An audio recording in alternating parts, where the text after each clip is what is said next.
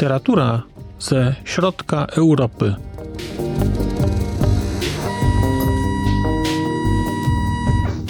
Podcast około książkowy. Dzień dobry. Zapraszam na kolejne spotkanie literackie w ramach podcastu Znak Litera Człowiek.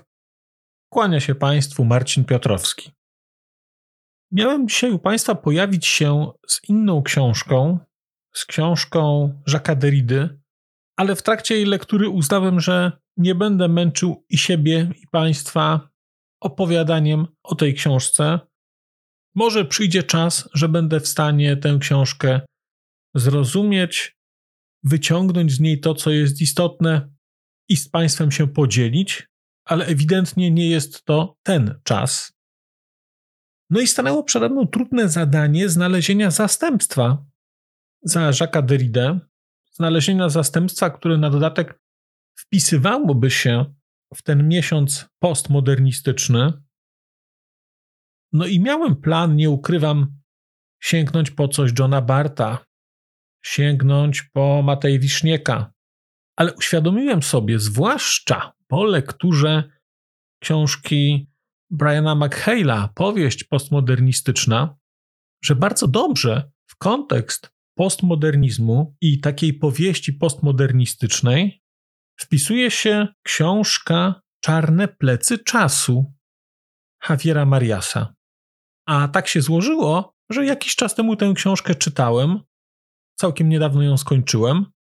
Czytałem ją z jednej strony trochę poza seriami takimi głównymi, w których czytuję książki, z drugiej strony w wyniku rekomendacji, a z trzeciej strony, bo to jest ta sytuacja, gdzie są trzy strony, w ramach przygotowywania się do jakiegoś nieco głębszego wejścia w literaturę iberyjską i iberoamerykańską.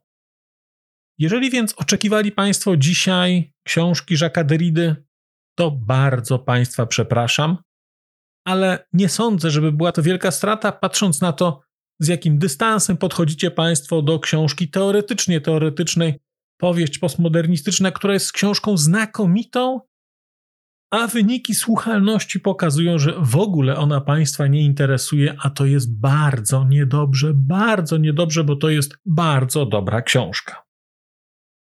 Mam więc dzisiaj przed sobą Czarne plecy czasu Javiera Mariasa, książkę, którą poleciła mi Ania z kanału Znalezione Przeczytane, największa znana mi fanka twórczości Mariasa.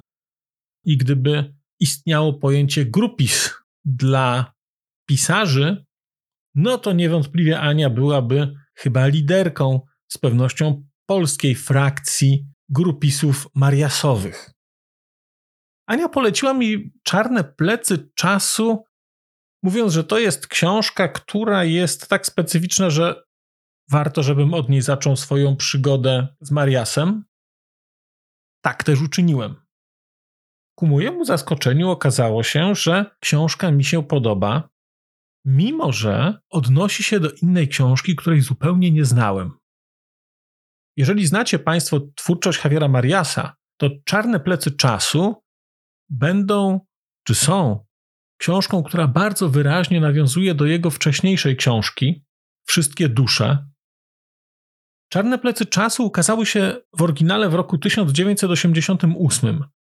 W Polsce ukazały się w roku 2014 w przekładzie pana Tomasza Pindela i zostały wydane przez wydawnictwo Sonia Draga, które wydaje wszystkie książki Javiera Mariasa w języku polskim. Kiedy Ania mi tę książkę polecała, mówiła mi, że to jest książka, która jest specyficzna i która jest niebeletrystyczna, chyba tak użyła takiego określenia. Zastanawiałem się, jakież to są książki niebeletrystyczne, i po lekturze Czarnych pleców czasu śmiało mogę powiedzieć, że już wiem jakie. Co więcej, mogę powiedzieć, że takie książki mi się podobają. O czym są czarne plecy czasu? Przede wszystkim jest to książka o książce. Wszystkie dusze to jest książka, która rozgrywa się w Wielkiej Brytanii, w Oksfordzie bodajże. Nie czytałem jej jeszcze, dodajmy jeszcze, więc moja wiedza o niej jest tylko na bazie książki Czarne plecy czasu. A Czarne plecy czasu to jest książka, która jest, powiedziałbym, do pewnego stopnia dekonstrukcją wszystkich dusz. Książką, która opisuje trochę inaczej bohaterów, która mówi o tym, jak oni powstali, która opowiada o okolicznościach powstania tamtej książki, o tym, co się wydarzyło, co się nie wydarzyło. Niesamowitą rzeczą, którą Marias w tej książce robi, jest rzeczywiście stworzenie książki niemałej, bo ona tam tak około 300 stron ma, która nie ma formalnie akcji. Jest zbiorem zapisków, jest zbiorem refleksji, jest zbiorem opowieści o osobach, które pojawiają się we wszystkich duszach, ale nie tylko. Trochę o znajomych Mariasa także, o środowisku iberystów Uniwersytetu Oksfordzkiego, trochę o środowisku tłumaczy. Jest to rzecz no bardzo, bardzo interesująca. Po mniej więcej 20 stronach byłem zachwycony sposobem narracji. Tym, jak to jest napisane. Bo oczywiście można byłoby napisać książkę książce, wszak spotykamy się z tym, może nie bardzo często, ale nie jest to rzecz zupełnie nowa. Ale to, co jest unikalne w czarnych plecach czasu, to jest sposób narracji Mariasa, sposób pisania. Taki sposób, który nazwałbym porywającą, unoszącą czytelnika dygresyjnością. Ta książka płynie w dygresjach. Ta książka płynie w takim rytmie przedłużonych zdań. Rytmie przedłużonych zdań, które są zdaniami tak długimi, jak tylko mogą być, ale nie za długimi. Ja się tym zachwyciłem. Bardzo lubię też powieści, które mają zdania bardzo krótkie, bardzo konkretne, czasami bardzo proste. Marias jest na drugim końcu skali. Te zdania nie są jakoś tak wielokrotnie złożone, natomiast mają w sobie jakieś takie ciągi, jakieś takie przejścia, które powodują, że porywają czytelnika i się z nimi płynie. Płynie się z nimi tak długo, że czasami pod koniec zdania nie bardzo wiadomo, gdzie się zaczęło i gdzie się wylądowało, gdzie się skończyło. Odnosząc to do tego, co czytałem w książce McHale'a, powieść postmodernistyczna. McHale pisze o postmodernizmie i postmodernistach, że istotą tego pisarstwa częściowo jest doprowadzenie do sytuacji, w której czytelnik zgubi się w kolejnych warstwach, metawarstwach, metawarstwach narracyjnych. W czarnych plecach czasu jest to zrobione trochę inaczej, ale ta książka doprowadziła do tego, że ja się zgubiłem. Mimo, że się pilnowałem, mimo, że uważałem, że jakoś trzymam wszystkie te wątki w ręku, że mam je w garści, to kilka razy byłem tak zakręcony, że nie wiedziałem, czy to, co czytam, jest prawdą, czy to dotyczy bezpośrednio bohaterów wszystkich dusz, czy to są rzeczy, które już są przetransponowane, czy to są rzeczy, w których są włożone kolejne rzeczy, trochę na zasadzie powieści szkatułkowej, ale nie tak bardzo, chociaż pewne elementy tutaj też by się tego znalazły. Bo te opowieści w opowieściach, nie takie bardzo wyraziste jak u Barta, ale takie zagnieżdżenia, jakieś przesunięcia, jakieś takie zatoki, labirynty, z których trudno się wydostać, powodują, że w tej książce jest co najmniej kilku takich głównych bohaterów, a historia, która jest dopisana, jest historią, no nie wiadomo czy prawdziwą, bo czasami ona jest tak bardzo potencjalna, że nie wiemy, nie wiemy o historii, która jest tu pokazana, która wydarza się w Meksyku na początku XX wieku, czy pod koniec XIX, nie wiemy, czy ona jest prawdziwa. Ona się tu jakoś wydarza jest opisana. Są niby odniesienia prasowe do niej. ale naprawdę ja nie mam pewności, czy to się wydarzyło, czy nie jest to kompletna fikcja.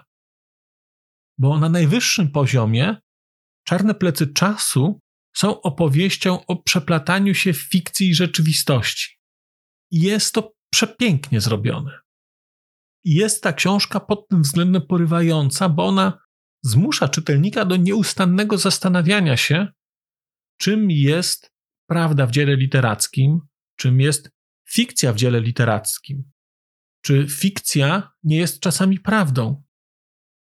Czy sam fakt zawarcia czegoś w dziele literackim nie czyni tego elementem prawdziwym, nie jest potwierdzeniem istnienia tej rzeczywistości? Co znaczy w ogóle istnieć? Pod tym względem ta książka jest znakomita i na bazie takiej refleksji dotyczącej istoty twórczości, ona była dla mnie szalenie odświeżająca. Była taka otwierająca wiele drzwi. I teraz po kilku tygodniach od lektury nie potrafię powiedzieć, które konkretnie elementy sprawiły, że ta książka tak na mnie zadziałała, natomiast wiem, że bardzo chcę ją przeczytać ponownie, ale stwierdziłem, że przeczytam ją ponownie dopiero wtedy, kiedy przeczytam wszystkie dusze, kiedy będę znał oryginał i kiedy będę znał wersję bazową, będę wiedział, do czego się ta książka odnosi, wtedy przeczytam ją jeszcze raz i zobaczę, jakie będzie moje kolejne odczytanie Mariasa. Na takim poziomie trochę głębszym, no bo to będzie poziom czytelników, dla których on pisał tę książkę. No on napisał tę książkę chyba dla osób, które czytały wszystkie dusze. Ale jeżeli nie czytaliście Państwo wszystkich dusz, to nie powinniście brać tego jako wymówki, żeby nie przeczytać czarnych pleców czasu. Bo wydaje mi się, że paradoksalnie ta książka nawet mocniej wybrzmi wtedy, jeżeli nie znacie oryginału, do którego ona się odnosi. Jeszcze bardziej będzie wtedy widać to, co udało się zrobić Mariasowi, czyli przepleść fikcję z rzeczywistością, czymkolwiek jest fikcja, czymkolwiek jest rzeczywistość w tej książce. I stworzyć taki apokryf. Ta książka jest dla mnie książką na pograniczu filozofii. I jest to rzecz szalenie, szalenie interesująca. Ta dygresyjność, o której wspominałem, jest dygresyjnością, która tutaj dla mnie manifestuje się na trzech obszarach. Nazwijmy to dygresyjności czasowej. Tutaj się pływa między wydarzeniami, które są opisane przez Mariasa jako współczesne mu w momencie pisania tej książki, odniesieniami do książki poprzedniej, czy do jego pobytu w Wielkiej Brytanii, która doprowadziła do powstania tamtej książki, a jednocześnie poprzez bohaterów osadzonych dosyć głęboko w przestrzeni czasowej, mamy nawroty do historii, które się wydarzały kiedyś. Więc to jest ta dygresyjność czasowa. Jest dygresyjność osobowa, bo mamy bohaterów głównych i mamy bohaterów pobocznych, ale tutaj też przepływamy. Te rzeczy cały czas przepływają. Zdanie, które zaczyna się w jednym bohaterze, kończy się jakimś innym kontekstem czasowym innego bohatera. No i mamy też taką dygresyjność, nazwałem ją sobie konceptualną. Zaczynamy od czegoś bardzo oczywistego, a po chwili kończymy w całkowicie innym planie filozoficznym, w całkowicie innej koncepcji, w innym świecie, w innych wartościach. I zastanawiamy się, w którym momencie nastąpił ten przeskok. I nie wiemy, bo to nie było przeskoku, tu nie było stopni. To była jakaś nieciągłość czasowa, i nagle znaleźliśmy się w innym miejscu. I ja starałem się czasami w tych zdaniach znaleźć ten moment, który przepycha mnie, który powoduje, że o, w tym miejscu to przeskakuje, i było mi trudno. I było mi trudno, a potem stwierdziłem, że nie będę tego szukał, tylko będę po prostu czerpał przyjemność z czytania tej książki. Nie wiem, czy Marias jest typowym przedstawicielem prozy postmodernistycznej. Natomiast kiedy odniosłem sobie tę książkę do tego, co czytałem u McHale'a, to Czarne plecy czasu są książką, która w dużym stopniu zawiera w sobie te elementy prozy postmodernistycznej, o których pisał McHale. Mamy właściwie istotę tej książki, czyli autotematyczność, No bo to jest książka o książce, która została napisana. Książka o bohaterach, którzy pojawiają się w tamtej książce. Jednocześnie książka, która z jednej strony ich dekonstruuje, z drugiej strony trochę mówi, kim oni są, a kim oni nie są. Mamy tutaj historię, kiedy oni się opowiadają o tym, jak rozpoznali się w tamtej książce, mimo że nie są nimi.